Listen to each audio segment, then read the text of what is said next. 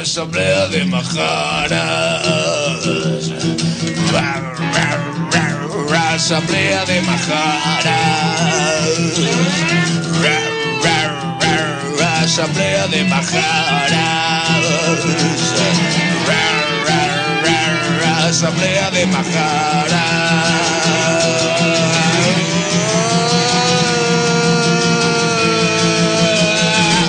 Asamblea de majaras.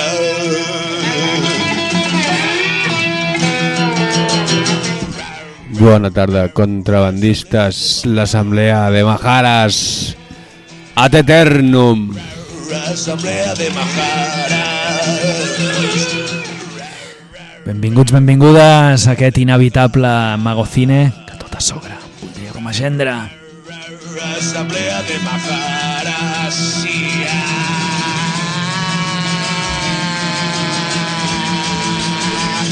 Asamblea de majaras. Hey. Ho, let's go, vamos. Come on, pues Yeah. aquí estem, diumenge 28 de gener. Són les 6 i mitja, avui arribem puntualíssims. Sí, i estem ja a punt de tombar la cuesta d'enero, que com cuesta, eh? Però estem allà, aguantant. Costa. I bueno, venim Les aquí... Sotregades. Veni, bueno, anem a fer les presentacions, com fem, hem fet així sempre històricament. I ben fet, tenim a Eduard Monos Tijeras aclarint-se la Control gola. de so, sí. A veure què tal. Uh, estic, no, no, així, estic una mica tontarrón. Estàs tontorrón, sí. quin perill. Però bueno. Tenim a un servidor, Ernesto Chemajara, i tenim avui de nou, Sí, repetint, igual que el darrer programa, Diego del Norte. Molt bé, però avui s'ha posat camisa, o sigui que va Sí. estar preparat per enllibernar-nos. Bona tarda a tothom. Això sí, amb la Res, mateixa gorra aquí. peruana. Sí, i la mateixa veu. Sí. Mm. D'algú de Perú potser parlarem avui, si ens dona temps a amb algun Mai se sap. llibre que hem portat, i a part, com que ens porta cançons, a veure què ens sorprendrà. A veure què tal. Des de quines latituds voldrà posar música. Mira, esperant el tren jo vaig parlar amb un senyor que tenia la mateixa gorra que la meva. Va, I li vaig dir, mm, mm, bonita Li he dit, li gorra. dit. vau estar fent uns piscos, eh? Bueno, Doncs eh, estem aquí a Contrabanda FM en el 91.4 i www.contrabanda.org. Sí. Avui per parlar del País de les Muntanyes. sí. Bueno, abans dir-vos, venim als mes de gener, quan ja s'acaba, sempre eh, és, un, és més important per l'emissora, perquè és quan fem l'assemblea general. Nosaltres venim l'endemà de, amb la ressaca d'aquesta assemblea anual general que intenta Mm. marcar o fer una valoració i, Línies, sí. i revisar com evoluciona No, aquesta emissora. Contrabanda està formalment en un bon moment no? de que pues, estem ja plenament instal·lats aquí a l'Ateneu, no? estem Carrer millorant Amàlia, amb els nostres conceptes tècnics, sembla que ens ha caigut una regularització per la tangente, que tampoc sabem què vol dir ni què vol que és, no? Però bueno, els plans quincanals van evolucionant Els plans com quincanals... lo previst, que, bueno, pla- que havíem planificat, sí, més o menys. hi ha plan.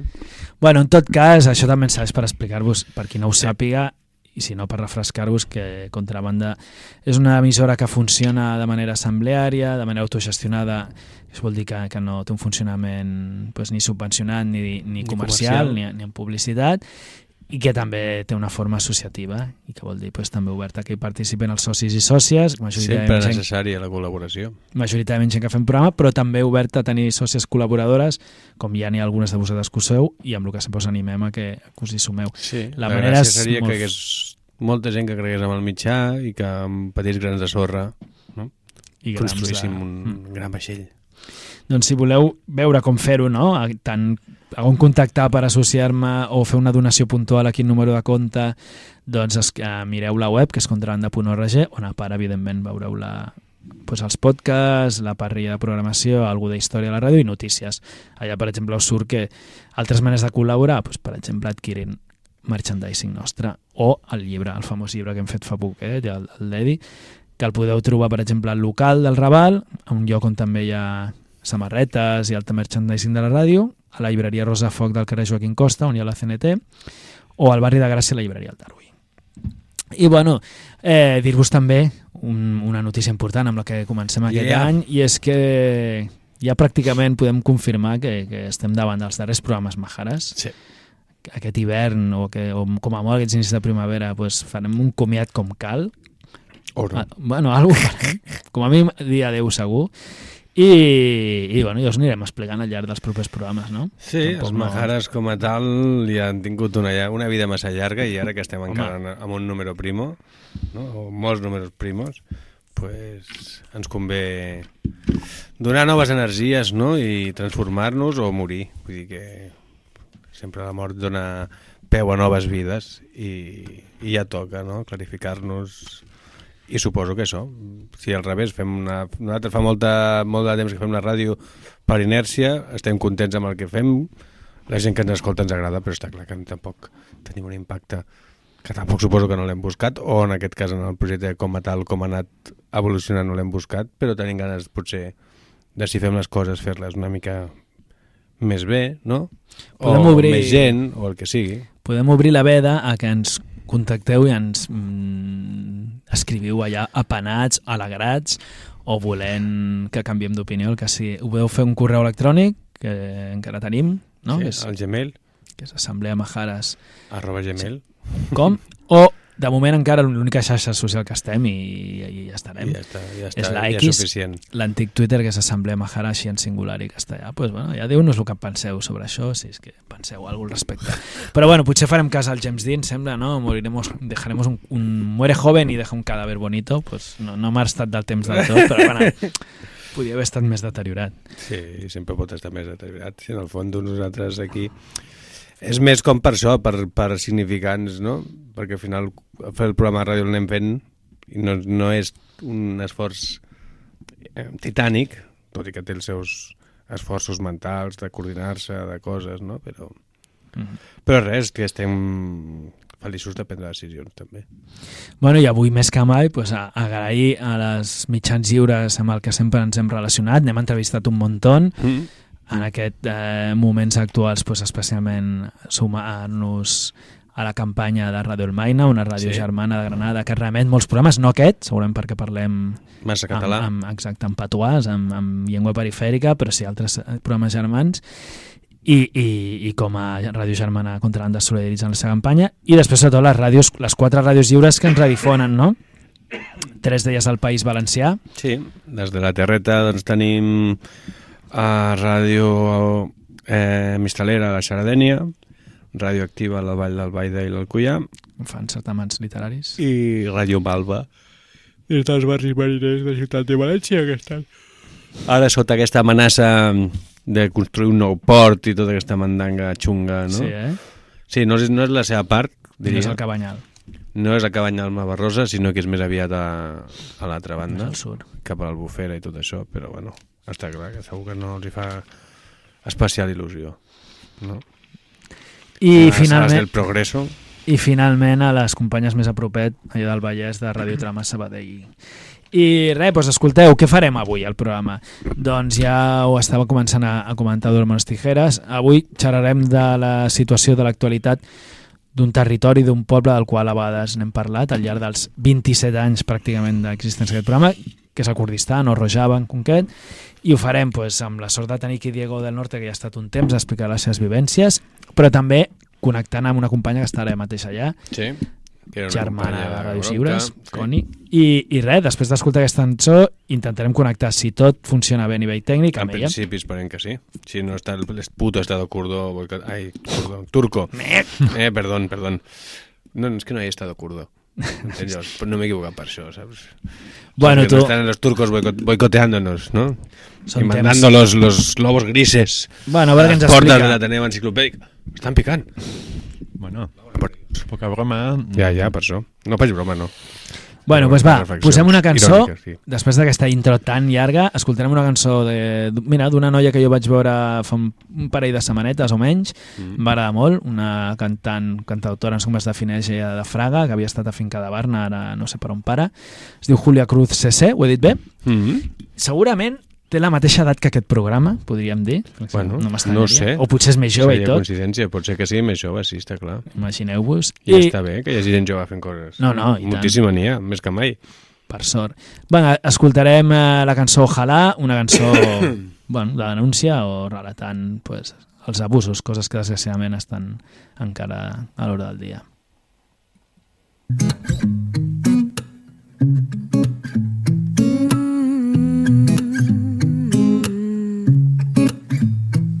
Ojalá supiera hacer hip hop, bachillarlo, saltarlo. Que estas cosas tan bestias no las sé decir hablando, ojalá supiera hacer hip hop. Te diría que hasta el día me acuerdo de la mordida, una serpiente, un caimán, un teatro muerta en vida. Se repite aquella noche, no puedo recordar. Yo estaba dormida y justo al despertar se me sale del cuerpo agua, vómito y sal. Tu boca en mi sexo, el silencio me va mal. No te hago un hip porque no sé cómo se hace, pero la rabia la tengo y alguien me hará una base. Ojalá supiera hacer hip bachillarlo, saltarlo. Que estas cosas tan bestias no las sé decir hablando, ojalá supiera hacer tus manos asquerosas me arrancaste la piel. Y ahora quien la toca puedo oler limón y miel porque todas las heridas que dejaste aquí metidas me las he acariciado. Y ahora son melodías pero esto sí te digo y pon la atención el silencio que has oído solo era un motor. Verte antiguo amigo como un depredador ha sacado la loba que hay en mi interior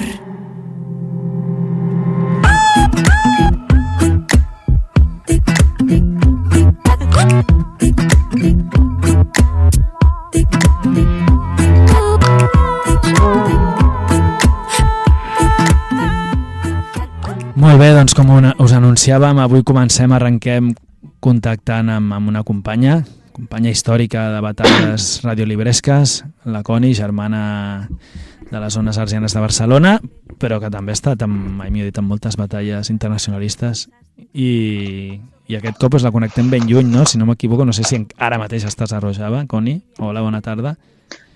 Hola, bona tarda. Doncs sí, estic a Camishno, a Rojava, el que és l'autonomia del nord-est de Síria.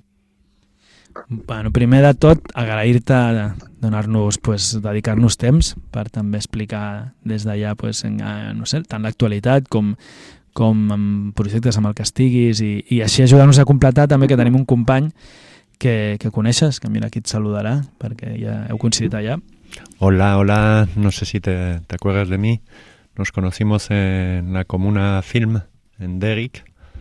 Soy Oh. algo belga, algo peruano. Eh, Y mucho más. Ok, sí, sí que me acuerdo, sí que Ah, me pues acuerdo de ti, sí, por supuesto. ¿Cómo estás? Pues muy bien, muy bien. Aquí contento de, de visitar eh, tierras catalanas y gente que me quiero. Y, y bueno, contento de estar en el programa y de, de saber que se conocen también es, es bonito. Doncs, Coni, primer de tot, pre preguntar-te quant temps portes allà. Així també ens situem una mica, Ah. perquè no ens...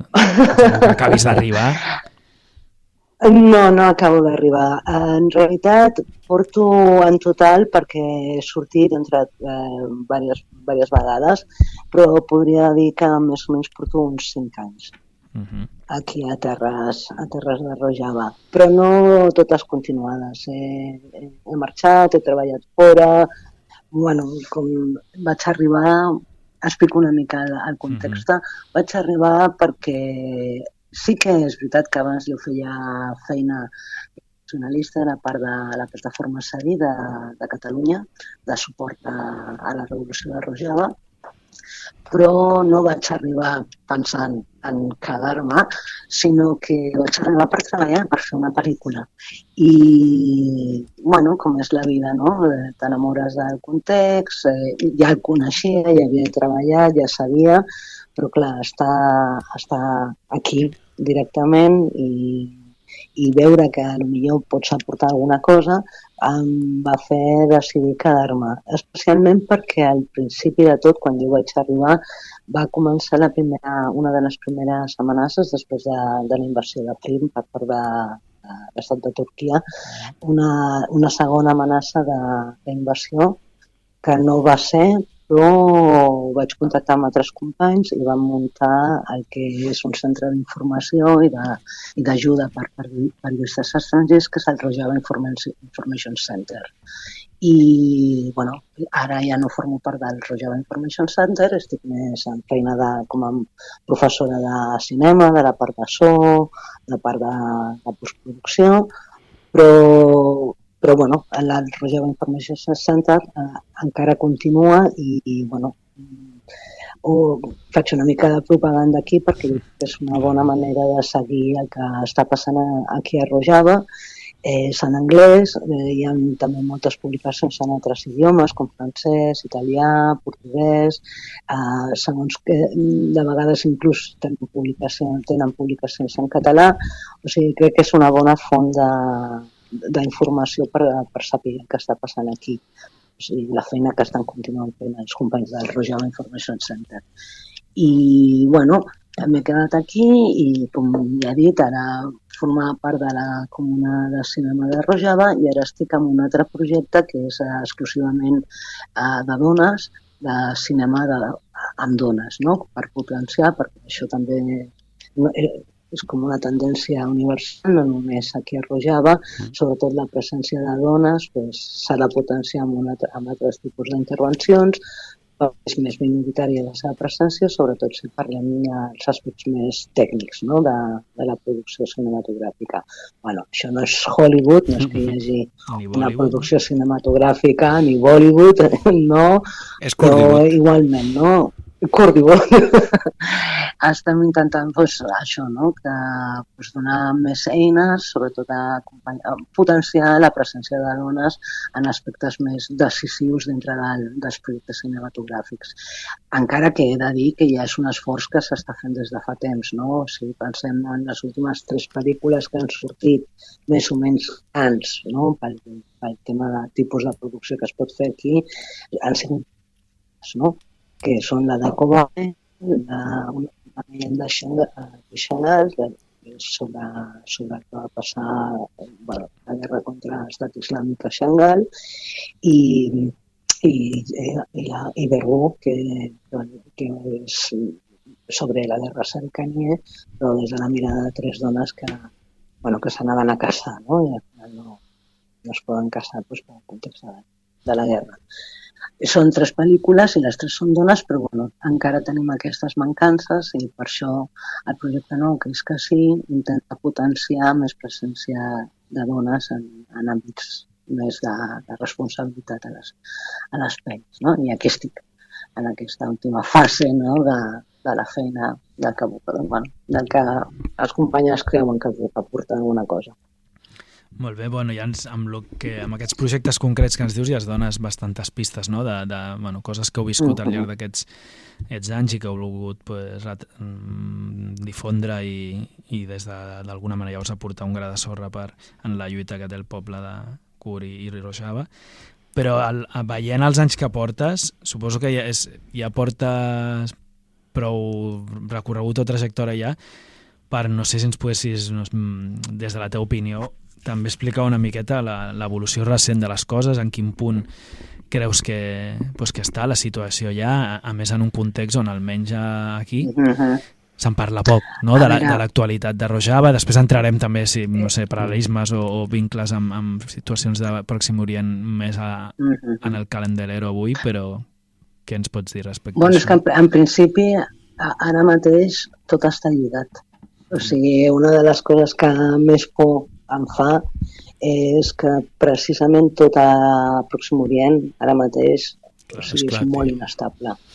I tot això és com una cadena, o sigui, s'encén per una part i via per tot arreu, no? És, I els equilibris són molt precaris, ho han sigut fins i tot abans, no? Però ara mateix és, és, és, bueno, la situació és molt greu, és molt greu en general. O sigui que, que no es pot desvincular el que passa aquí a l'autonomia la, a de, del nord-est de Síria de tot el que està passant a Gaza, del que està passant a Iraq, del que està passant a Turquia, a tot arreu. I, bueno, una altra de les coses és que també la situació de, de suposo que tenim el company, tenim el company que també pot parlar perquè ha estat per aquí i coneix una mica la realitat. Eh, hem de dir que, que l'autonomia no és una autonomia reconeguda per, per, pels governs del món. Em sembla que només el Parlament català podem dir que ha reconegut l'autonomia del nord-est de Síria. O sigui, no, no té un, un rol ins- instituït no? com, a, com a institut internacional. O sigui, que té una posició de debilitat molt gran, no? I, bueno, això es veu, no? Perquè ara que, cada any i mig hi ha una, una amenaça d'invasió o, de, o per part de Turquia o hi ha problemes bueno, a les fronteres o realment és un projecte polític que està lluitant en aquest moment per la seva supervivència, sí. bàsicament. Eh, no té reconeixement internacional i l'única manera que ha trobat és aquesta coalició de, en contra de l'estat islàmic que en principi ni, no es buscava perquè realment el que va passar va ser com a la inversa, no? en el moment que van poder aturar eh, l'avançament de, de, islàmic van començar a ser com una mica més centrals per agents com, per exemple, els Estats Units, no? però per, abans no, no, no tenien cap tipus d'importància. No? O sigui que és, que és una situació molt delicada. Ah. I això ho estan veient, van, podem parlar de tots aquests anys, de les diferents eh, invasions, intents intents d'invasió i del paper dels Estats Units també, no? dient que retreua les tropes amb Trump i bueno, tot el, el que suposat, fins a arribar a la, també la invasió de la zona de Sarikania, o sigui que ara mateix l'autonomia està com, com, com dividida a trossos, no? Està la part de Sicília, que és on estic jo, el diguem-ne, que és la, que és la ciutat, és la ciutat que tenim és Deri, Camislo, eh, Serekani, tota aquesta zona està ocupada per, per, per Turquia i per als seus proxys, no? que són majoritàriament eh, no, és que no m'agrada la, paraula, la paraula jihadistes, no? islamistes radicals, i després tenim la part, la part de Kobane, que està com una mica com una illa, illa al mig, i Afrin que també està completament invaït no? per, per Turquia. O sigui, aquest és el panorama. I de tant en tant, com el que ha passat aquests últims mesos, eh, Turquia comença a bombardejar sobretot amb la intenció de trencar o, o fer malbé la infraestructura vital, no? sobretot infraestructura civil. Els últims atacs han sigut al, a l'octubre, precisament una setmana abans de que comencés el, el, el desastre de Gaza, van estar bombardejant centrals elèctriques, eh, centrals de, de petroli, de gas, hospitals també, hospitals de Kobane, O sigui, els i tenen van sitiats, també no? bombardejar. No, perdona. Van, van bombardejar. Perdona? No, no, digue'm. perdona, que he interromput perquè m'ha sortit una frase de que estan com els sitiant, no?, perquè no prosperi no es pugui avançar, no?, socialment. Exacte, és, eh, eh, És- en realitat anava a, a anar a dir els, els més o menys no? com ha anat no? a, a l'octubre, després al desembre i ara el, el 14 de gener també van bombardejar i aquesta sí que em va pillar més a prop perquè van bombardejar aquí a Camislo i vam escoltar tot el matí les explosions no? i va ser eh, una de les centrals més importants de- d'electricitat de, de, de la zona del Jazira i ara mateix doncs, podem dir que tot, tot Kobane i els voltants de Kobane no té electricitat, Camislo no té electricitat general i només tenim l'electricitat de generadors de barri, no? Això sí que és una cosa que està molt implementada i molts barris o pobles no tenen electricitat, però jo, per exemple, ara mateix, gràcies a que tenim un, un generador de barri, doncs, puc parlar amb vosaltres, no? Mhm. per exemple. Però clar, també n'han donat, eh, han atacat els, els, els eh, com es diu això, eh, és que em surt en, en curt, ho sento. Bueno, Ara un- i aquí algú traduirà. El mas, Auger Massuté, company a refineries de, exacte, dels, dels, de, dels camps petrolífers i clar, tot això també afecta a la, tenir accés a, a petroli o a gasolina, a gasolina per, pels, pels generadors, o sigui que tenim molts talls, també afecta perquè són d'aigua, talls d'aigua molt grans perquè no es pot Clar. fer Però- mm, moure el, els extractors d'aigua, o sigui, realment ara mateix, i com ben, bé deies tu, tot això és fer objectius per no, per impedir el, el bon desenvolupament de la vida diària de la gent, no? O sigui, això seria un- inevitable en- en el fons és un crim projecte polític. I és un crim contra la humanitat, Mm. no? Perquè ara que, no? que, que vas veient no? pues tota l'agressió aquesta d'Israel, no? que al final és act- actuar contra la societat Mhm. civil, en aquest cas és també així, no? perquè al final no? Rojava i tot Sí. això també és una, és una amalgama de poblacions diverses no? i el que, el que es vol és no, no permetre que allò evolucioni tacant lo civil, que és... Prosperi. Sí, sí. Exacte, prosperi. Bueno, que, que sobrevisquin i tot, també. O Aquest, sigui, aquest centre... Hem de pensar que, a més, Rojava es troba amb un bloqueig econòmic de sempre. O sigui, que no és això de que et bombardegen una cosa i la pots reparar perquè venen unes peces i tens recanvis.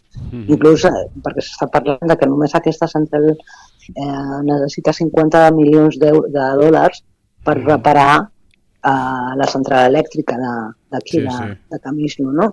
O sigui, no és només la, els diners que es necessiten, sinó que és que a més és com arriba, perquè hi ha un bloqueig total per totes les fronteres a Rojava, o sigui que, que, que ja exactament això és un càstig col·lectiu, un càstig col·lectiu. Clar, jo ara I a més he de dir, per exemple, per mi, eh, aquest últim, no el de, no el de, de gener, però el de sempre van matar a un, a un amic molt proper meu, mm -hmm. amb un d'aquests eh, company que era foquista de les pel·lícules que va estar treballant, fins i tot ni, ni, si- no era ni, ni d'aquí de Rojava, era de Rogilat, no? de la part, de la part iraní, i va ser assassinat en un d'aquests en, bueno, aquests danys col·laterals, no? que diu sí, estan fent target a, a objectius d'infraestructures, però estan matant, matant gent.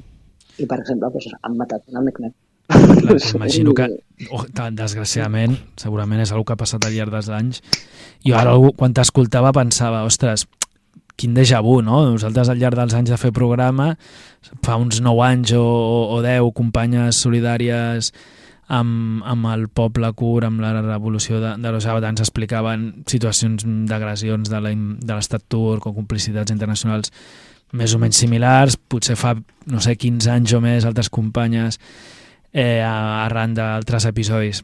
També, vull dir que realment és un, és una, igual que el, quan es parla no, del, del context de Palestina i de, de, bueno, del conflicte, hi ha coses enquistades i, i, que, i que passen les dècades, van passant. En el cas de, de, del Kurdistan, del poble kurd, amb la complexitat, no? de, de, tu has mencionat el rol de, de l'estat turc, també recordar que el territori kurd també està una part en l'estat, bueno, si se li pot dir estat, no? de, de Síria, també el d'Iran, Iraq, evidentment territoris que els darrers anys pues, han estat l'epicentre de, bueno, el joc de tauler de, de tots els interessos internacionals de totes les potències. Llavors, sembla que, que, que bueno, no sé si tu, en la perspectiva de ja estar ja tants anys, i no sé si, si també igualment a tot aquest dolor també li veus esperança o, o com a mínim no? al, al veure que hi ha tanta gent lluitant i construint, has donat exemples en un àmbit com el que estàs tu, pues, suposo que hi ha alguna no, també? Sí, hi ha molts intents, no? Però, bueno, em pilles un moment que estic bastant negativa, però clar, no és Mhm. culpa de, de, del projecte polític d'aquí de Kurdistan, és una mica tornant a la situació general de, de, de la regió i no només de la regió, també del món sencer. Clar. O sigui, ara mateix, realment, o sigui, la meva desesperança principal no és només radicar amb el que està passant al Pròxim Orient, és que el que està passant a casa nostra és una vergonya. O sigui, els països occidentals són una vergonya. Sí, sí. Men, mai, mai ens hem cregut que aquest discurs dels drets humans i tal, no? Ja sabíem que, que segons el color de la pell té, hi ha més drets humans que, que altres. Que és vergonyós la manera que és que ja ni s'amaga, no? O sigui, realment eh, estem en un moment clau, jo crec, de, de canvi de, de, de poder polític, no?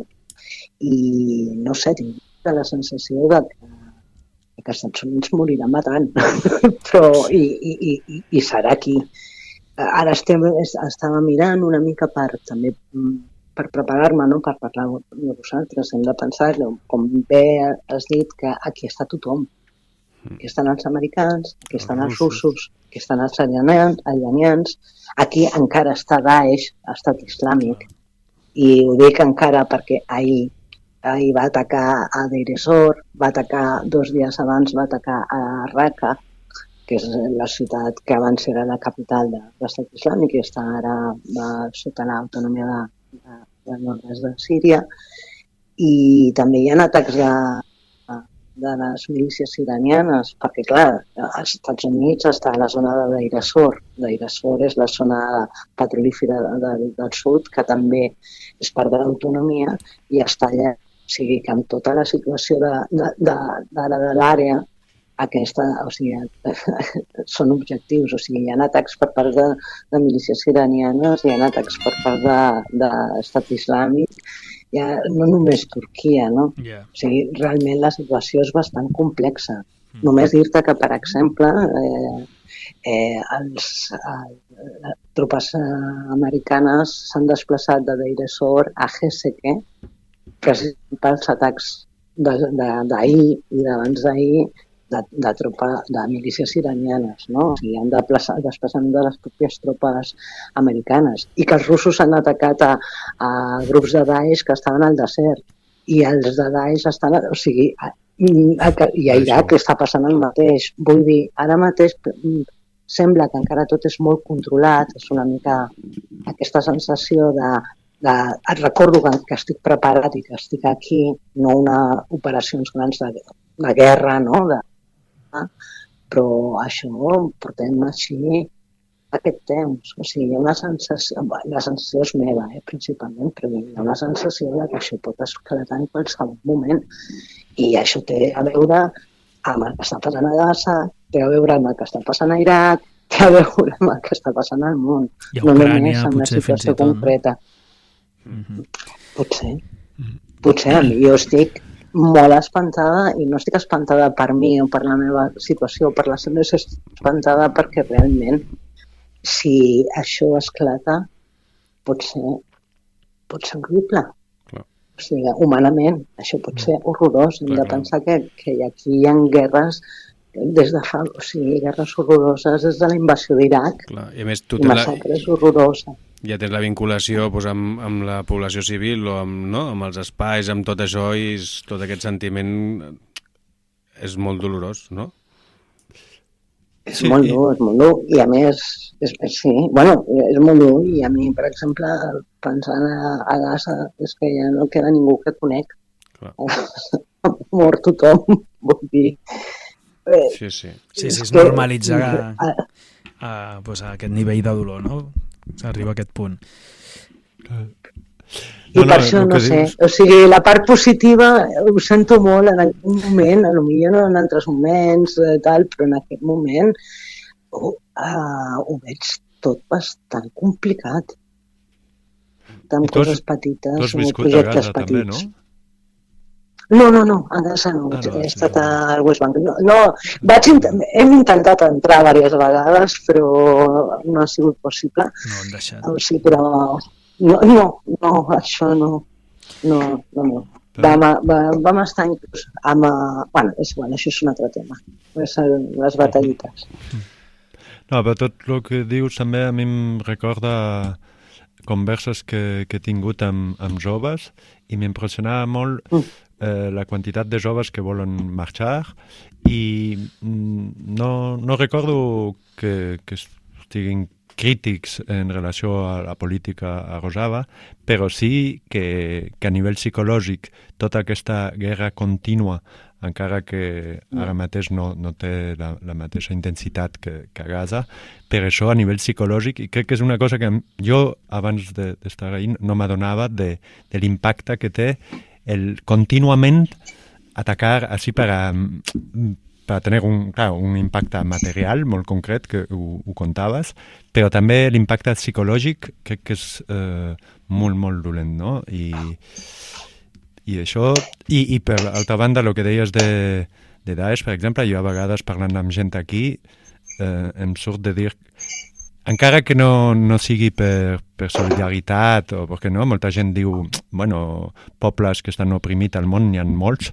i és veritat, per aquí eh, jo penso que si és per nosaltres mateixos, tindríem eh, tot interès d'alguna forma en preocupar-nos més de lo que passa ahir, perquè després, vull dir, Daesh i l'Estat Islàmic mm, farà coses com ho ha fet i, i encara que no sigui per altruisme, vull dir que, que est estem eh, implicats d'alguna forma, no? I, i les conseqüències seran també per, per molta gent, no? Bueno, imagino, alhora, després en podem parlar més amb calma, eh? amb, amb Diego també, suposo al llarg dels anys, almenys des de gent que no hi ha manat, però des d'aquí, doncs veus que també és un, Roger, és un exemple de solidaritat internacionalista, no? com en al llarg de, dels anys mm, n'hi ha hagut altres llocs, no? llavors en aquest sentit doncs, també per molta gent segurament és un referent de certes idees i valors i, i això entenc que és el que us ha portat, no? Varia gent allà i bueno, pues a partir d'aquí jo, mira, i seguint aquest fil també et volíem preguntar, Coni, abans has mencionat pues una bona font d'informació no? que, que recomanes i contrastada on has format part, no? aquest centre internacional que explicaves abans, també, i sobretot per qui, qui potser no domini llengua anglesa o altres llengües, aquí a casa nostra hi ha la coordinadora o la plataforma ZADI, que també mencionaves abans, no sé si també, bueno, eh, nosaltres almenys recomanem pu- poder-la seguir de, per xarxes socials per veure l'actualitat d'allà, no sé si vols també recomanar alguna cosa, perquè també, com tu dius, pues, no sé, en- ens interpel·la tothom i, i, i què pot fer la gent des d'aquí. I a qui no s'hagi desplaçat allà, pues, m'agrada sorra ni que sigui quan hi ha convocatòries, pues, anar-hi, recolzar o, o les campanyes, o al mínim estar informant, no? perquè hi ha tot aquest mur d'opacitat, d'informació no ens arriba.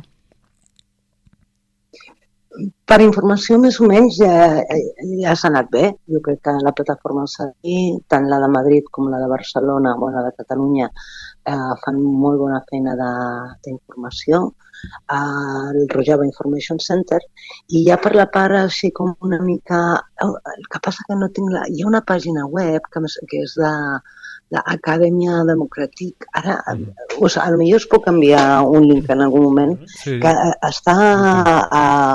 Tu la coneixes, sí no? la- Eh, la- l'Acadèmia de les- Modernitat Democràtica, no? ah, ah, ah, ah, ah, que ja estan publicant més la part més ideològica, eh, també una mica per informar-se de, de, bueno, de les bases del projecte polític que, que més o menys s'intenta, no? Perquè amb tota aquesta problemàtica, ah, també dir eh, que fa un mes es va treure la nova carta constituent de Rojava, no? que és una de les més avançades del món, a veure si es pot posar tot en pràctica, perquè amb aquesta situació econòmica, política i de, i de guerra, pues, tot és però la intenció està allà i la base, la base política en la que es basen ho podeu trobar en aquesta web perquè publiquen, publiquen en castellà no? en tots els idiomes de, de, més o menys de la Unió Europea. O sigui, jo crec que més amb això també la, els companys els companys de eh, ai, com es diu? que eh, es publica en català totes les defenses de, de d'Ojalan ara se m'ha anat a la el- l'editorial aquesta de- d'aquí de Barcelona Eh, que fa totes les pu- publicacions de, No de sé si la Kurdistan. Jo estava veient la web de Awar News, però crec que, que també és en espanyol, però crec que no parleu d'això, no? No, no, pa parla de No. l'editorial eh, De- aquesta de Barna que té molts Descontrol. Ah, Descontrol. Descontrol. Em, mat, em mataran els companys de Descontrol, que no me'n recordo el seu nom. La, els companys de, de Descontrol que fan feina de traducció i de, estan publicant moltíssimes coses sobre Kurdistan i crec que, que, que també és, és una font d'informació important. Eh, bueno, pues, més o menys jo crec que sí. Per començar està bé. Per començar està bé, jo crec. Doncs per què no ens presentes la cançó aquesta que ens has preparat? És de... Ah. O que ens has recomanant. Bueno, us explico, us explico qui són, perquè és, és molt guai el, el projecte. És la gent de Hunungiha Walat, és com un col·lectiu, una comuna en realitat, perquè han fet un, aquí a les afores de, de Camislo uns estudis de gravació, tots de, de maó, d'aquests de, de tradicional i tal, i tenen com com, han, fet, han fet com un, això, no? com un, un lloc de, de conviure en una comuna i són tots artistes, músics i, bueno, i enginyers de so i fan aquest projecte i van, van sortint de tant en tant cançons que són hits a que Rojava i a tot Kurdistan perquè fan com una reinterpretació molt actual de la música kurda, no? No és només una música tradicional, veuen de la tradicional però amb tocs molt moderns, no? Són com uns renovadors, no?, de, del folklore d'aquí i, i bueno, se'ls estima molt hi ha dues persones que són per mi superimportants en, aquest, en, aquest, en aquesta feina, és una comuna, però està Mahmoud Barassi, que és un grandíssim músic, que, que és part d'aquesta idea de, de renovar l'estil musical. I Shero Hinde, que ets un poeta, també és director de cinema, va ser el cap de, de la Comuna Film a Rojava uh, fa un parell d'anys, eh, junt amb, amb les Salines, eh, ja sabeu que els caps es van renovant cada, cada cert temps, no, no són vitalicis, No, però ell és un poeta, és director i també les lletres són molt... I aquest tàndem, amb tots els companys i els joves que formen part de Junen Igualat, doncs fan aquests, eh, aquestes cançons i aquests vídeos meravellosos que jo crec que, que val la pena eh, seguir la feina d'aquesta penya i d'aquí de Rojava. Molt bé, doncs ahí queda la recomanació. I aquesta Gràcies. cançó és per... I aquesta cançó és, és, està dedicada a les muntanyes i a cercania i parla molt de, de l'ús de, de, de gas tòxic a, a la guerra que està fent, que està fent Turquia contra els kurds. Molt bé, doncs l'escoltarem. T'agraïm molt sí. pues, el temps dedicat, el que ens has explicat. i T'enviem molta fort. força des d'aquí. I tant. Un abraço muy grande. Muy... Bueno, Un abraço muy grande. Cuida't molt. molt. Una abraçada. Una abraçada. Perdons. Ai. Fins aviat. Mm.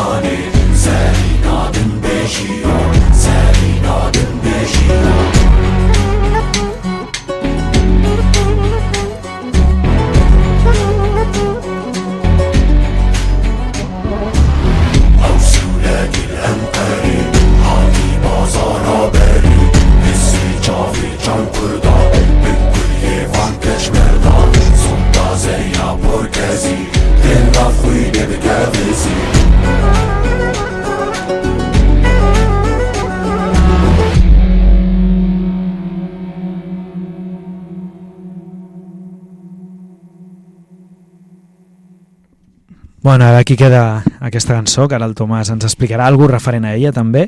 I abans dir, un, clar, una, ara us estava comentant aquí els companys de la taula, que una, bueno, una cosa curiosa, un exercici que, que, que he fet és mirar el nostre podcast, que per cert no l'hem dit, que és majares.contrabanda.org, i veure al llarg d'aquests anys també els darrers temps des que fem podcast quants cops hem parlat de Kur- Kurdistan, que a més, evidentment, sempre que n'hem parlat ha estat perquè ha vingut gent o hem contactat amb gent que, que ja està ja present o que d'alguna manera està vinculada a, la lluita per, de la resistència i de solidaritat amb els pobles de Rojava, amb el Kurdistan. I déu nhi i veia que de, mm, l'any di- 18 2018, el 19, el, bueno, molt abans ja el 2016, el, el 23, just fa un any, el gener del 23 també en vam parlar, i per exemple, doncs, això fa molts, molts anys aquí van venir a presentar una gent al, al documental El Sol del Nord, construint l'autonomia a Bakur, de les lluites que es donaven allà en el Kurdistan turc, no? i de col·lectius de suport. Bueno, No, i, i crec que és molt important continuar a parlar perquè a vegades el que passa amb mitjans més grans és que quan hi ha atacs massius sí es parla, no? I, i jo he parlat amb gent que em diu ah, encara existeix aquesta Ja, ja, revolució. ja, perquè ja sembla que quan no? està fora de, dels mitjans grans com si ja no... I, i per això jo crec... I, i una cosa també, perquè eh, el que parlàvem amb la Connie abans, de què es pot fer, jo tinc un record que me va impactar molt, eh, perquè a vegades no, tot sembla tan complicat, tan violent, que pot semblar que, que cadascú no té poder per qualsevol cosa. Però és un exemple molt concret, però a l'estiu passat eh, jo vaig mm, ajudar una mica per una campanya de, de divulgació de la situació a Rojava i eh, volíem contactar amb equipes eh, hinchades de futbol, d'equip. De, I, I el nom d'aquesta campanya eh, era el nom d'un jove de Camixlo que, que havia muerto poc temps abans i el seu equip de futbol havia fet un anunci amb el seu nom de suport. de suport, sí. I eh, deu dies després, la família no, no s'escrive, bueno, faig una barreja de català i però no s'escriu. Eh, y y no- nos dice que, que han visto, han oído que, mm, que gente en Bruselas, en un estadio, han puesto un cartel muy grande con el nombre de su hijo y que toda la familia estaba muy, muy tocada, eh, muy impresionada y que querían eh, eh, ponerse en contacto con estas personas y que significaba mucho para ellos. Y entonces los pusimos en contacto con los hinchas de, de un equipo, de este equipo de Bruselas y, y no sé, a mí me, me impactó porque porque y he sentido eso en otras oportunidades que para la gente quiere decir mucho realmente. El que el que haya gente a miles de kilómetros que, que, que se sienta solidaria y que lo muestre mm, tiene eh, Ya, un valor muy grande más allá del cambio que puedas producir porque no creo que infelizmente en la política de Bélgica o de la Unión Europea haya cambiado pero sí que tiene mucho sentido, ¿no? Y el no bueno, sentirse para no, para no sentirse solo Sí. también, ¿no? Que nos parece que es poco, pero... Bueno, nos comentabas que tú también ibas a poner esta canción, la Connie se ha avanzado, y, y ¿por qué la ibas a poner? Así también nos lleva a hablar un poco de qué, qué hacías tú por ahí. Bueno, esta canción porque es verdad que es una de las que yo recuerdo bien, como lo dijo Connie, eh, este colectivo artístico, eh, he conocido a algunos de sus miembros y son, son personas, no sé, que me han gustado mucho. Y, esta canción a la vez denuncia también el uso de armas químicas, eh, la relación con Alemania y con cosas de- del pasado. Y justo cuando salió yo estaba eh, terminando el- un podcast que, que he intentado hacer desde allá Que hemos oído aquí. a través de eso, de entrevistas de, de otros internacionalistas y eh, la, la intro del podcast es con esta canción, entonces le, le tengo como un cariño particular. Podrías mencionarlo, ¿no? El podcast, y ya lo, lo linkaremos ahora en el post. Bueno, Sí, eh, de momento como tengo aún que acabar eh, el último y no está así en muchas está en Archive. redes, pero está sí en un sitio donde está mezclado con otras versiones en otras lenguas, pero se encuentra en ar- archive.org y, y escribiendo Diego del Norte, ahí salen. Y es verdad que, que ha sido un trabajo que, que me ha gustado, que me ha tomado mucho tiempo, porque también he intentado que era simbólico a nivel de internacionalismo, hacerlo trilingüe, entonces está en castellano, en inglés y en francés, y en función de la persona que habla en su lengua materna, pues está doblado eh, para que se pueda oír en diferentes lenguas. ¿no? Oye, y aprovechando, ya que hemos... La Connie decía deia que, que tot està lligat, no? també en la situació bueno, mundial, però especialment a Pròxim Orient, i evidentment és, és molt inhabilitable parlar de Palestina les darreres setmanes o mesos. Hi ha hagut, no para d'haver-hi concentracions convocatòries a tot el món, de fet, i aquí a Barcelona o Catalunya també, però la, la que s'està convocant pel dia 7 de febrer segurament és, és més global o més gran que, que altres precedents i llavors s'està convocant en molt de temps, a més va lligada pues, a, una, a manifest que recullen firmes i per voler fer pressió a nivell més institucional i, i que hi ha molta gent pues, convocant i llavors us aprofitem pues, per recordar que, que aquell dia 7 de febrer hi ha aquesta com jornada global el títol Estimem Palestina, defensem la vida. 7 de febrer aturem el, el món i que, i que pues, des de diferents llocs pues, es farà es farà amb aquestes convocatòries així descentralitzades. Podeu seguir el hashtag CTF Palestina i que, per exemple, aquí a Barcelona pues, també, com igual que les darreres concentracions, també s'ha organitzat un col·lectiu que es diu Famílies per la Pau, doncs que, que el que pre pretén és que també pugui anar gent de diferents edats, no? amb petits i tal, per, per facilitar que tothom no? pugui estar en aquestes concentracions.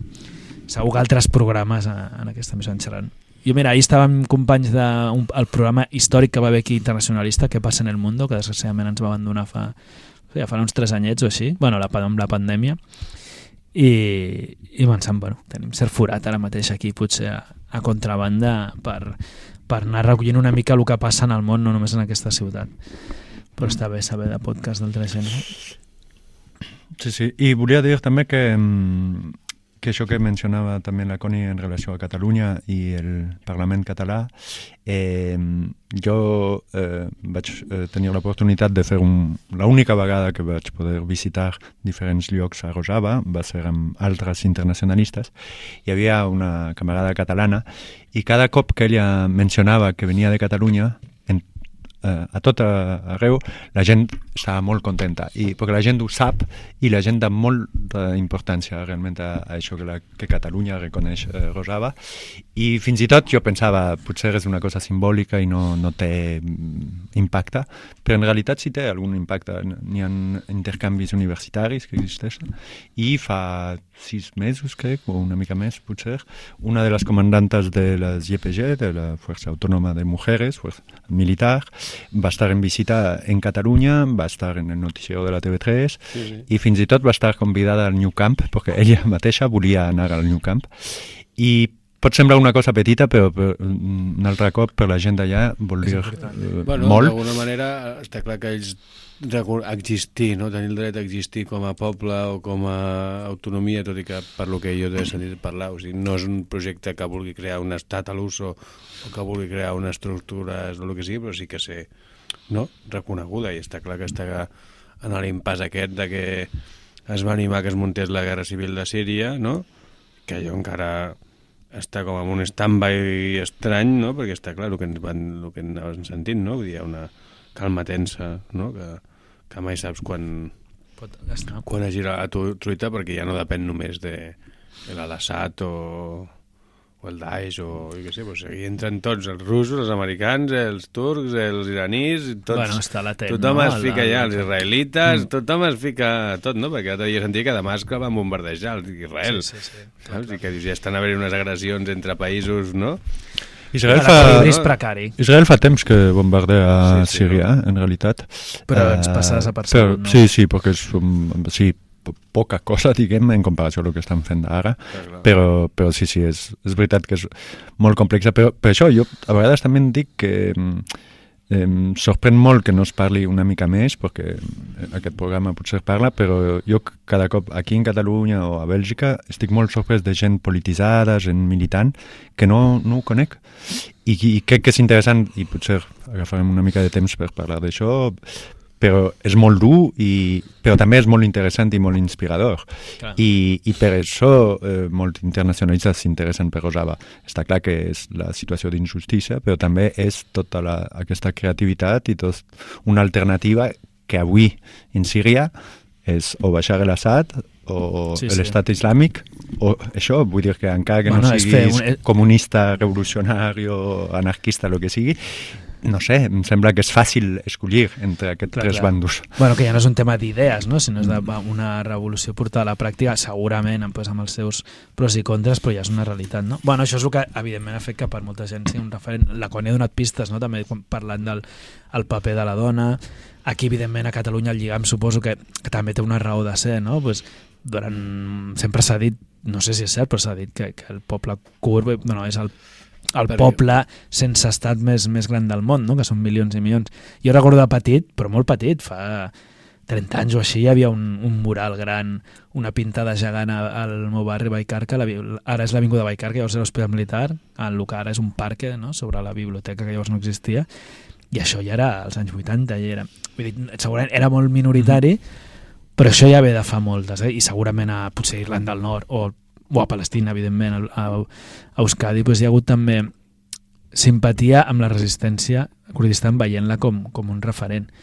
I llavors eh, això doncs, ens segueix generacions rere Sí. generacions. Encara Bueno, quedi minoritari, eh?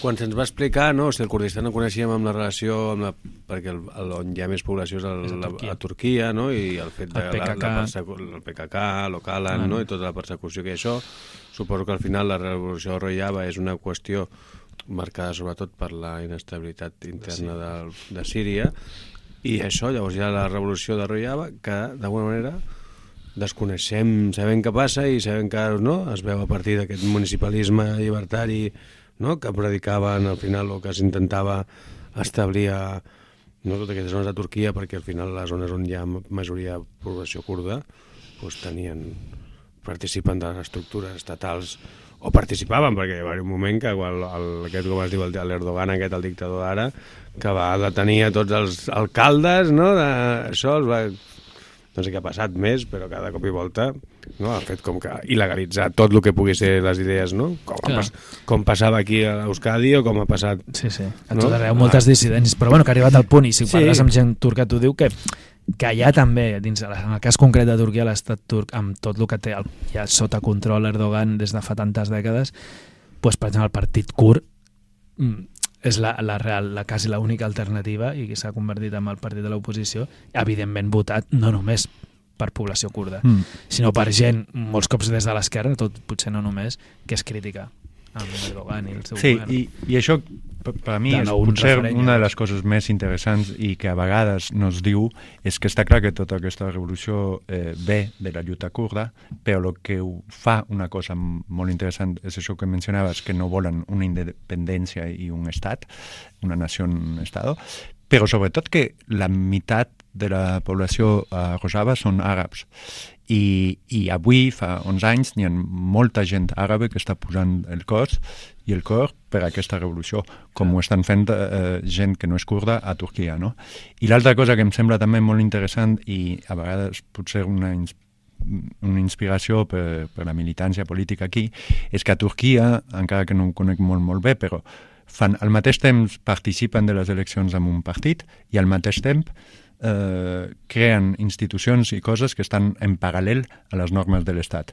I, I al mateix temps tenen relació amb una guerrilla, vull dir, que no, i ho fan tot eh, amb, amb gent diferent, però amb, amb relacions, vull dir. No, no cauen en, en això de dir eh, si participes a les eleccions és un vendut, eh, sí, és un vendido, no? Que sí. No, ho fan tot al mateix temps i crec que, Bueno, interessant, no, com estratègia. inspiració... Doncs escolta, tu volies explicar més música, no? No sé si veus presentar-la. Diego? Eh, bueno, sí. Eh, pues, eh, aquesta, mm, la, pots posar la primera, que també... Eh, perquè n'hi ha músics diferents que participen d'aquest col·lectiu no? que mencionava la Connie, i abans que parli jo havia escollit tres cançons, i aquesta també personalment le tengo cariño porque vaig assistir a alguns dels eh, en los ensayos de la coreografía, porque la coreografía Los es muy guay, y una amiga internacionalista también participó.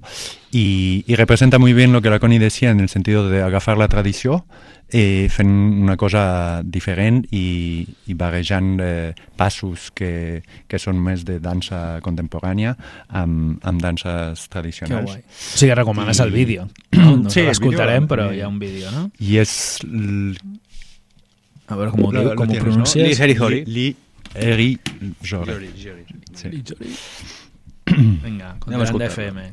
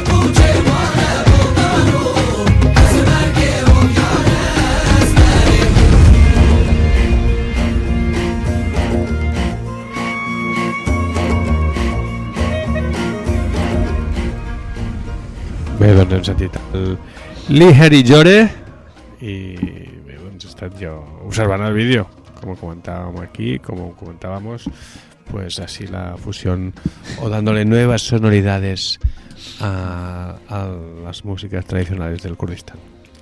No, es una cosa interesante y creo difícil. Yo no he estado directamente implicado en estos trabajos, eh, pero me contaba la amiga, por ejemplo, que, que sí se implicó en esta coreografía, que, que, son mm, trabajos complejos y que llevan, claro, matices en el sentido que se quiere valorar mucho la tradición, pero también se quiere renovar eso para que sea popular, porque la influencia eh, occidental o de, muchas otras cosas eh, en Rojava también existe, ¿no? To- toda la juventud está con un teléfono con, con internet y, y entonces cómo, cómo cultivar la tradición pero dándole un toque atractivo eh, para los jóvenes para también fomentar ese un orgullo ¿no? de, la tierra y de, de, la identidad es algo mm, interesante y, y el arte, el cine, la, la, música, el teatro, que también hay muchos grupos de teatro en Rojava, son, son métodos, herramientas interesantes. Bueno, yo también, mira, para, para ir vinculando cosas ¿eh? que, que, estamos diciendo y como la Connie misma decía que, es complejo, que todo está ligado y vinculado y para también ver a veces no sé qué se puede hacer desde aquí. La gente que no viaja, ¿no? que no está en disposición, puede, no quiere viajar como habéis hecho otras personas. Bueno, un tema que ha salido, ahora no sé si lo habéis dicho los dos, también ahí de refilón es el tema de, de las armas, ¿no? También, por ejemplo, de quién, que, es, los estados que están detrás ahí también vendiendo armas, que ya no es solo que es, que este, es Israel, es eh, es Turquía, es Irán, eh, es Irak y, por supuesto en Estados Unidos, pero sí es que también sabemos que, el Estado español, francés, etcétera, pues también están vendiendo y por eso Lao es por el que las poblaciones locales deberíamos o podríamos presionar, ¿no? Y ya lo hablamos en el anterior programa, también ligado con el, la entrevista que hacíamos a la a la Leticia, directora del documental que, que servía para pa hablar de los disidentes, los prisioneros chinos ¿no? que denunciaban su situación, pues como desde pues el boicot o el presión a, a, a los estados que también dan armas o apoyan a estas políticas, en el caso de Israel, a ese genocidio, pues algo se puede hacer, ¿no? Para ver cómo desde la frustración o la impotencia que solamente la mayoría sentimos de pensar, bueno, esto te queda lejos, ¿qué puedes hacer? Nada. Pues bueno, quizás por ahí un hilo porque porque eh, es uno de los elementos ¿no? que sostiene todo eso. Sí, y, que creo que también algo, aunque no desconozco un poco en Cataluña y, en España en general, eh, eh, la cantidad de, de, personas kurdas que existen, pero sé que en otros países de Europa hay una comunidad eh, migrante kurda importante y que está muchas veces relativamente bien organizada. Y, eso yo, yo, he hecho la experiencia más desde que volví, aunque antes también había ido un poco, pero en mi ciudad hay un centro cultural kurdo y que tiene también una connotación política e ideológica interesante, ¿no? y el acercarse a estos sitios, el poder eh, mostrar interés a la, a la gente que, que, vive aquí, que no toda es muy solidaria y comprometida políticamente con, con, la situación allá, pero sí la hay, también es una manera, y es una manera interesante, concreta, humana, de conectarse con, con gente que, que, lo vive muy, muy directamente, ya que, ya que tienen familiares, amigos, eh, gente que quieren que está, que está allá. Entonces, y sé que en Cataluña, como lo mencionábamos, pero hay, hay muchas cosas que se organizan alrededor del tema. Eh, una, una cosa también, entre otras, pero muy interesante y existen, sé que en Cataluña se han dado cursos, es el movimiento de genealogía, eh, de la ciencia de las mujeres. Mm. Y esto realmente es lo, lo, interesante también en general, creo, con, la lucha kurda, con lo que está pasando en Rojava, es que, claro que la solidaridad es esencial, pero estoy convencido de que hay cosas que pueden ser eh, inspiradoras para nuestros movimientos políticos, ¿no? Y en términos de genealogía, por ejemplo, eh, yo tuve la oportunidad de, de, participar a una formación de dos días eh, que se llamaba Matar al macho dominante y ahora queremos con uh, amigos en Liège organizar lo mismo porque realmente hay un punto que es universal, ¿no? El tratar de temas de género y de eh, y reconstruir una masculinidad de la cual podamos como hombres sentirnos orgullosos es algo creo esencial y entonces creo que a veces el qué hacer eh, está claro que hay, nos sentimos muy muy pequeños pero el qué hacer tal vez es eh, inspirarse de cosas que eh, se hacen dentro del movimiento y que se fomentan aquí, ¿no?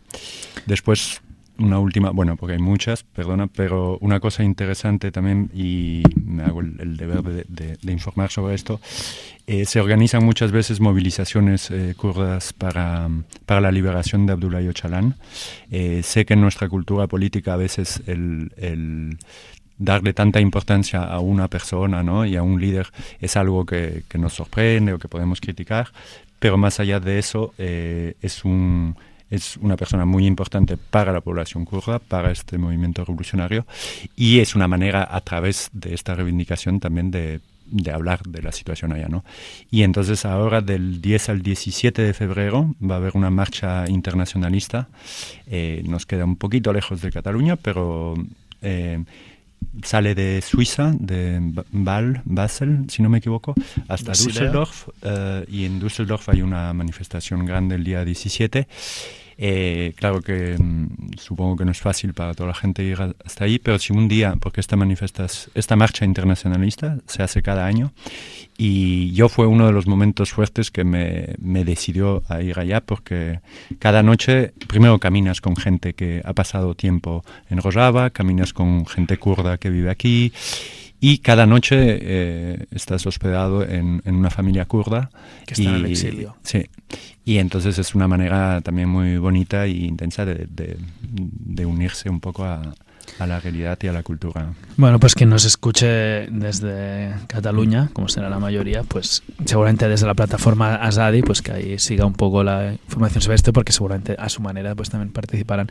No, y otra aportación que también pues interesante, de alguna manera que tú también haces, ¿no? Por eso ahora estamos hablando en castellano, pues que es a difundir las cosas, ¿no? Pues como has hecho tú en el podcast, la Connie mencionaba el curro de las los compis de Descontrol, la editorial, traduciendo por ciertos libros. Unas compañeras que nos quedan pues, pues cerca es la, la Asamblea Libertaria Euranegra de Baicarca, que hace poquitos meses ya no respecto al conflicto del Kurdistán, sino el de Palestina, pues tradujeron a catalán y castellano una entrevista que, que se había hecho a un grupo anarquista de Palestina que se llama Fauda. Entonces algo que, en los últimos tiempos está haciendo bastante gente de pues de aquí y bueno, pues también es importante, ¿no? Porque al final pues poder acercar eh, ideas que, que no están en nuestras lenguas para quien pues mm, lo tenga fácil por el dominio de, otros idiomas pues es otra otro grano de arena, otra aportación. Sí, un libro que a mí me parece muy muy bueno, que está en existe en castellano y en catalán, eh, que es de un internacionalista, creo que catalán, eh, y a mí me parece una síntesis muy buena, ¿no? Porque para personas tal vez que nos escuchen, eh, es verdad que históricamente en la actualidad es algo muy complejo y que existen libros muy detallados que, que explican tanto la historia como el funcionamiento de las instituciones en Rojava, pero tal vez como primer, eh, en primera entrada se hace un poco denso y complicado. En cambio, este libro a mí me pareció muy una síntesis, pero muy buena, y se llama Aprendamos de la Revolución.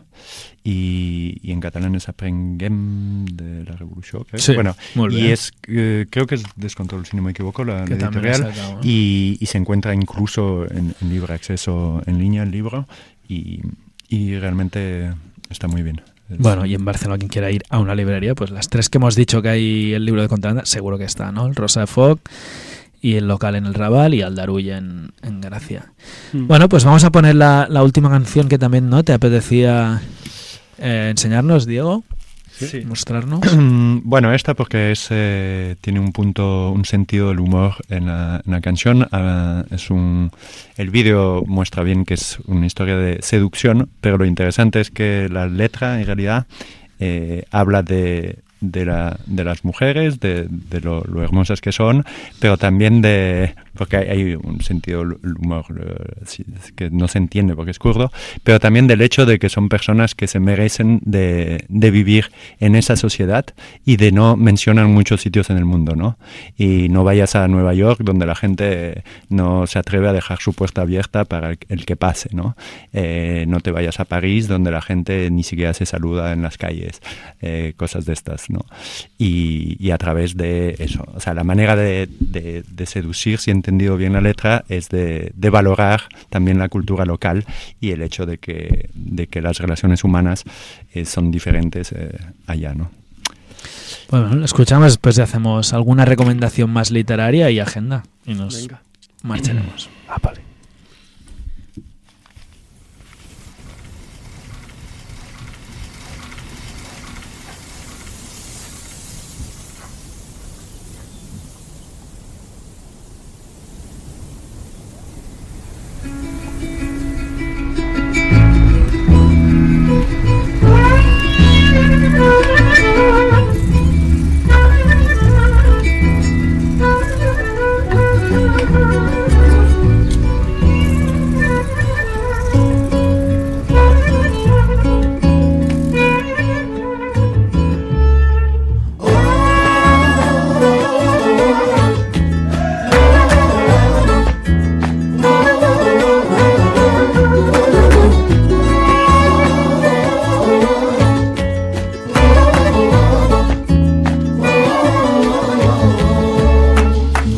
پوری پوری پوری پوری وان قیزا سوری خجی یا هری جوری اوج تخا خنیگا اوی اوی اوی تخین عده به امریکا امریکا کسرونا نل برداری اوی اوی اوی اوی کنو عشق بدی اوی اوی اوی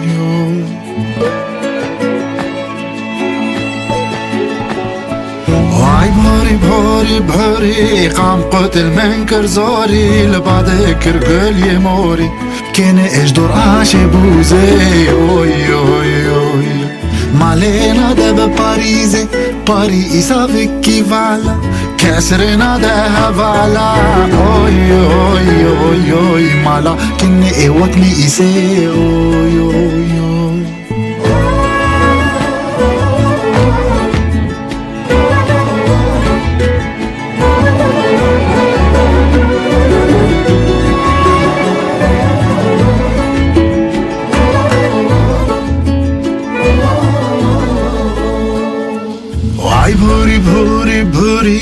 کارو سه هفوری شبان آوان پر نازی نازلی یج برگا حلگو أو حلگو نادا و موسکو موسکو یا شلفی تازی.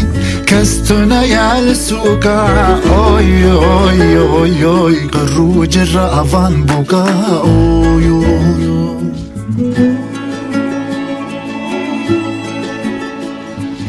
وای بوری بوری بوری خاچه گردن بموری ماری کچا انشوری او کل الكاب شیریه اوی اوی اوی شیریه ناده بروما روما یا پولی پشمن لیتون مالک الدان اوی اوی اوی اوی نجی جیرانک سوریان اوی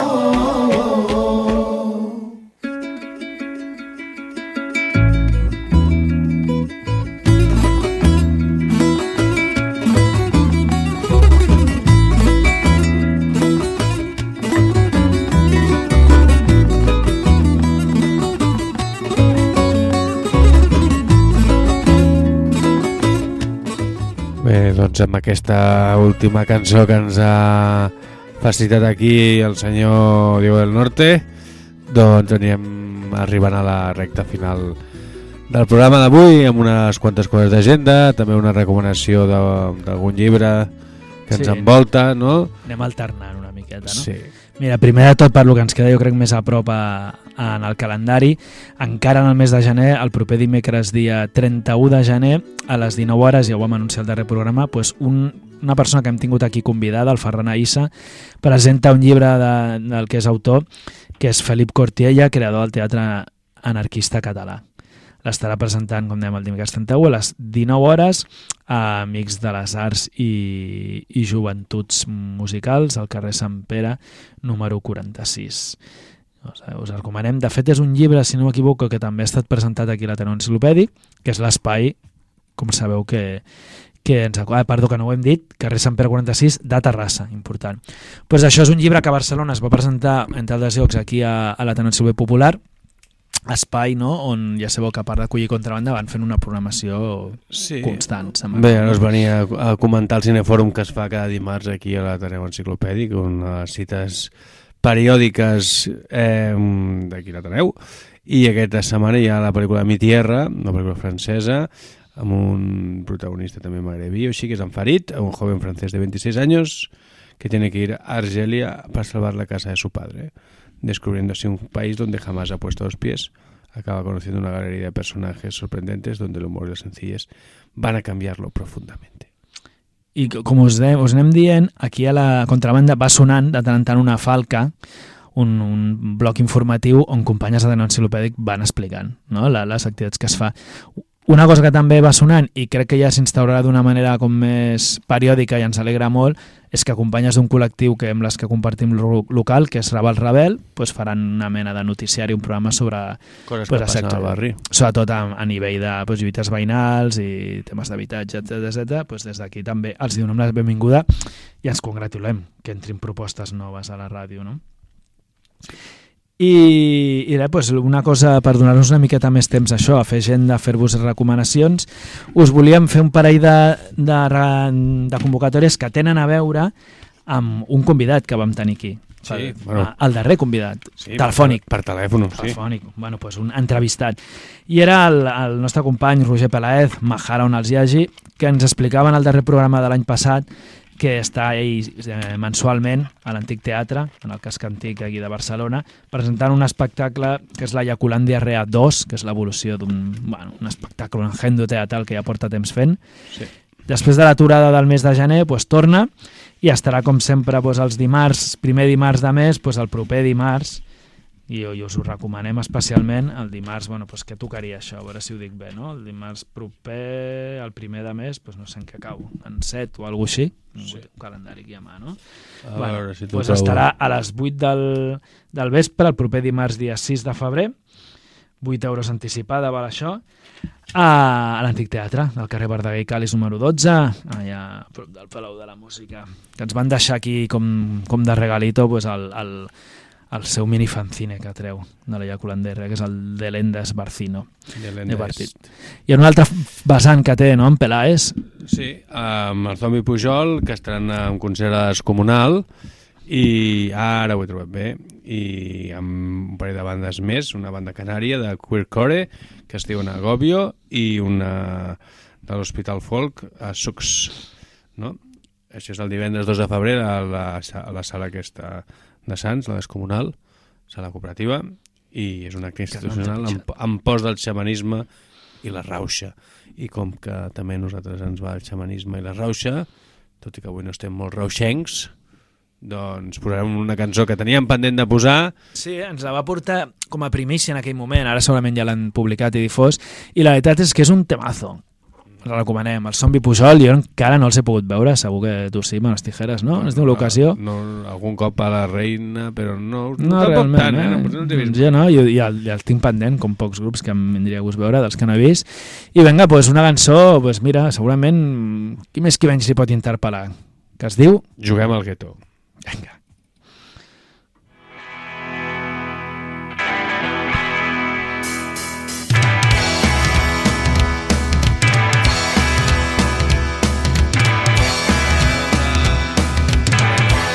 La ca...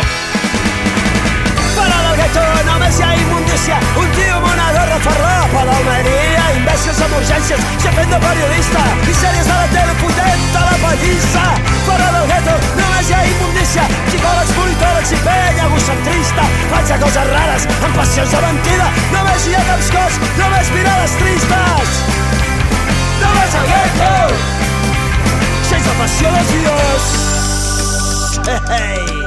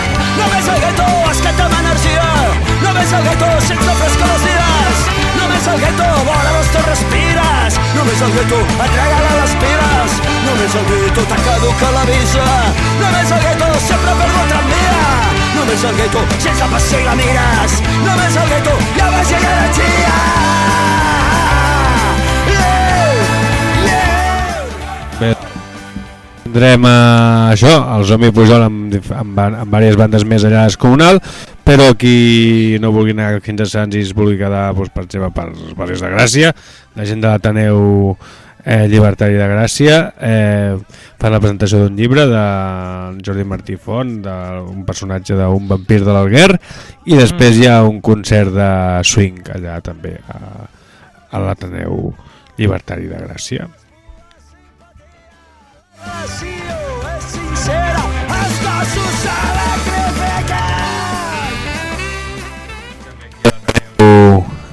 A l'Ateneu aquí Enciclopèdia Popular i d'aquí dos divendres, el dia 9 hi haurà la Cabaret Poètic que també organitza la gent de Gita Gràcia la gent d'allà de Llibertari, gent d'aquí i és una activitat molt recomanable amb moltes intervencions A veure, anem, tu. És una coproducció que van alternant. Jo no sé si el proper es fa potser el Rosa de Foc. Em sembla que no Ah, vale, perquè es va alternant a vegades enciclopèdic, ah, bueno, potser sí, eh? no sé a vegades es fa l'Ateneu enciclopèdic, popular... aquí- Ateneu Enciclopèdic, sí i a vegades es fa allà Gràcia. Uh, pues el que sí que, que, to, bueno, que es fa i toca ben en breu, el proper cap de setmana aquí al carrer Reina Amàlia, és a l'altre Ateneu, que hi ha ubicat en aquest carrer, que és l'Ateneu Popular, bueno, l'Ateneu del Raval, perdó, i és aquest vermut solidari que fan mensual. Doncs el de febrer toca el proper dissabte dia 3 i des de les 15 hores, dels 3 del migdia, tot i que li diguin vermut, pues hi ha diversos concerts, Víctor Salvat i Trio i la Mapocha Cúmbia, i tot això eh, organitzat conjuntament amb el sindicat de Mujeres Cuidadores Sin Papeles.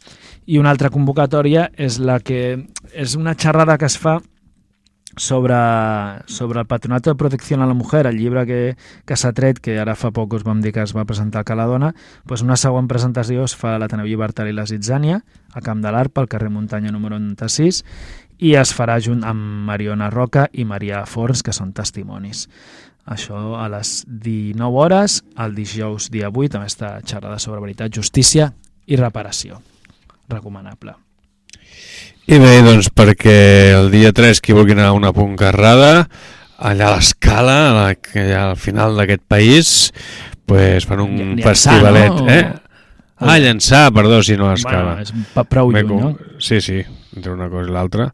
Doncs hi ha una puncarrada recomanable amb gent com els clàssics Hòstia Puta d'aquí de Terrassa o fins i tot uns clàssics més clàssics, els anglesos, GBH.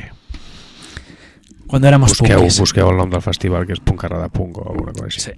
Doncs escolteu, jo ja just per abans de marxar, i que em feia gràcia perquè tenim aquí també Diego el Norte, venia molt de gust recomanar el llibre que estic llegint ara mateix. És d'una peruana, una escritora peruana fincada a Barcelona, es diu Rocío Quillahuamán, i també és dibuixant, i, i és un llibre que porta el títol Marrón Memòries, perquè com diu el subtítol pues, ve a ser autogràfic, va una mica a relatar pues, la seva experiència d'haver arribat a Barcelona i on reflexiona sobre el fet de ser marrón en un país blanc, no? o sigui, sobre la blanquitud, sobre el fet de ser racialitzada, i des d'un punt bastant humorístic, pues fa certa bueno, pues crítica punyent pues, a la nostra societat, a també a vegades l'autoodi i, i bueno, pues, pues la gent que, que això ens pot tocar de prop ni que sigui per arrels familiars, pues la veritat és que pues és guai. I de fet recomanable per tothom. Està tret per Blacky Books, jo us el recomano molt aquest llibre. I vés a saber, ojalà algun dia podem portar aquesta escritora de Limenya. I ja que parlem de molt ràpid de Llatinoamèrica, doncs també potser està el loro eh, de, de com es van convocant ara una sèrie de concentracions que estan sent pràcticament setmanals des de la població, la comunitat argentina a Barcelona, amb el títol Argentina no se vende, una mica de repulsa per, pues, en solidaritat amb el paro general que s'està fent a Argentina contra polítiques com la llei Omnibus de, del Javier Milei, aquest personatge que ha acabat arribant a la presència d'Argentina i es van fer a la plaça Sant Jaume doncs, pràcticament setmanalment. No? Es va fer aquesta setmana el dia 24 i, i anirà sent així. Estigueu al loro, per exemple, la gent del local, companyes i veïnes nostres, pues, pues ho van difonent. Bueno, pues tot això ha donat temps avui. Agraïm molt a Diego el Norte la visita. Sempre acabamos atropellados. Sí. Estaba pensando, uh, va a ser largo, una hora y media, pero pasa tan, tan rápido que, Muy rápido. que no da temps per tot, però... Pero te No, vas dejándonos una cancioncita más, ¿no? Parece. Sí, una canció que, bueno, és molt simbòlica perquè és un, un grup que no és un grup que té res de formal, però de camarades internacionalistes, i eh, aquesta és una versió d'una cançó latinoamericana del Mèxic, perquè parlàvem de traducció i de cultura, i, i això, n'hi ha molta inspiració no? de, de diferents llocs també, i, i això és molt bonic. Jo recordo també que una, una responsable kurda deia que les revolucions latinoamericanes van, als anys 70, per exemple, van ser una inspiració molt gran per ella, als anys 60, eh, i que va contribuir a la seva formació política allà en Kurdistan. No? I bueno, eso, cançons sin miedo. Vinga, venim d'aquí dues...